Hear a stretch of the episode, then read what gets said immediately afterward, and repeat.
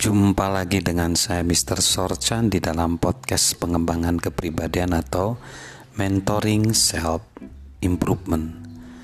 Konektor ulung adalah bagaimana dia bisa mengatakan kebenaran.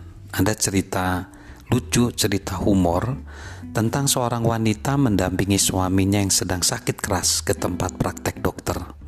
Setelah diperiksa, Dokter itu meminta pria itu menunggu di ruang tunggu supaya dapat berbicara dengan wanita tersebut. Kondisi suami Anda sudah mendekati kuburan. Ia berkata kepadanya, "Jika Anda tidak melakukan hal-hal berikut ini, suami Anda akan mati. Siapkanlah makan pagi yang sehat setiap pagi dan membiarkan dia bekerja dengan suasana hati yang baik. Saat ia pulang, izinkan dia menaruh kaki ke atas dan beristirahat." Pastikanlah tidak membebani dia dengan kekhawatiran apa pun atau tugas-tugas rumah tangga. Siapkanlah makanan malam yang hangat dan bergizi setiap malam. Berhubungan badan dengannya beberapa kali seminggu dan puaskanlah semua fantasinya. Dalam perjalanan pulang ke rumah, istrinya mengemudikan mobil sambil ber, berdiam diri.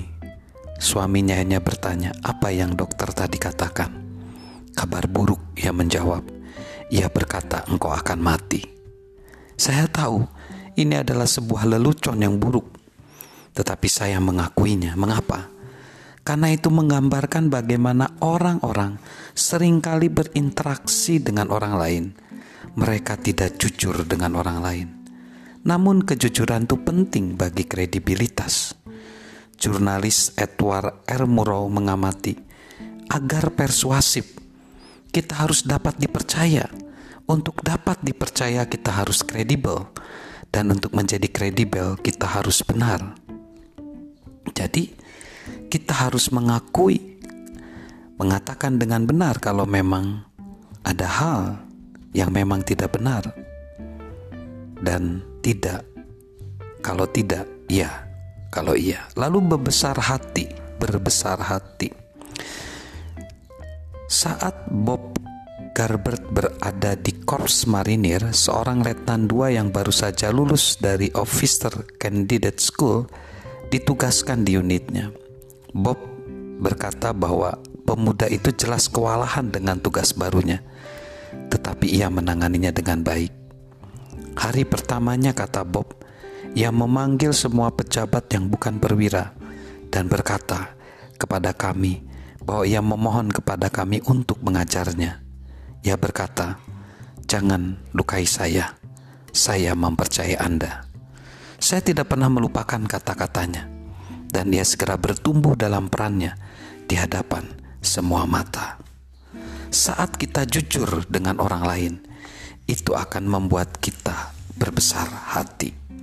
Banyak orang melihat hal itu sangat tidak nyaman Beberapa pemimpin, pengajar, dan pembicara yakin bahwa seseorang yang berkomunikasi dengan orang lain dianggap punya semua jawaban.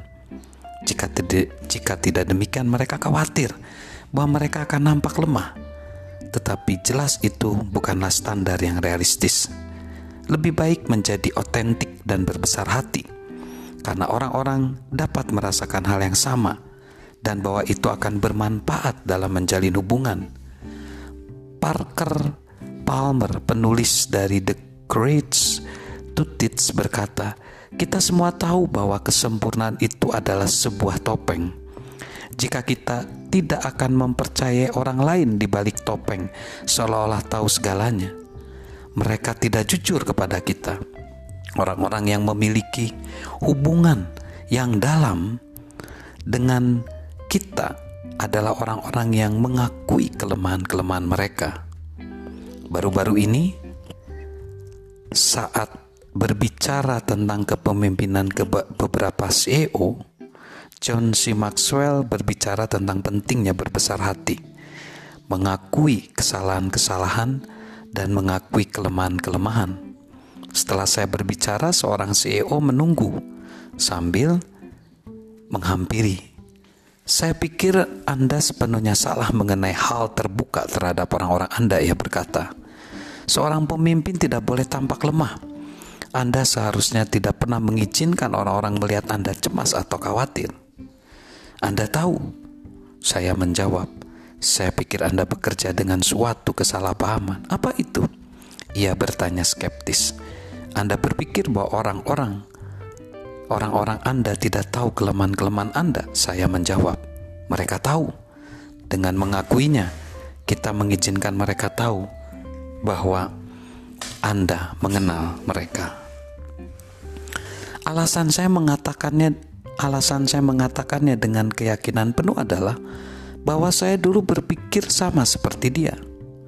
Selama 10 tahun pertama dalam karir saya, saya berusaha menjadi Mr. Answerman, bisa menjawab segala sesuatu. Saya ingin secara pribadi menangani setiap masalah, menjawab setiap pertanyaan, dan menghadapi setiap krisis. Saya ingin menjadi seorang yang sangat diperlukan, tetapi saya tidak membo bisa membodohi siapa pun kecuali membodohi diri saya sendiri. Seniman Walter Anderson mengamati, kehidupan kita bertumbuh hanya bila kita memanfaatkan semua kesempatan. Dan resiko pertama dan yang paling sulit yang dapat kita ambil adalah menjadi jujur dengan diri sendiri.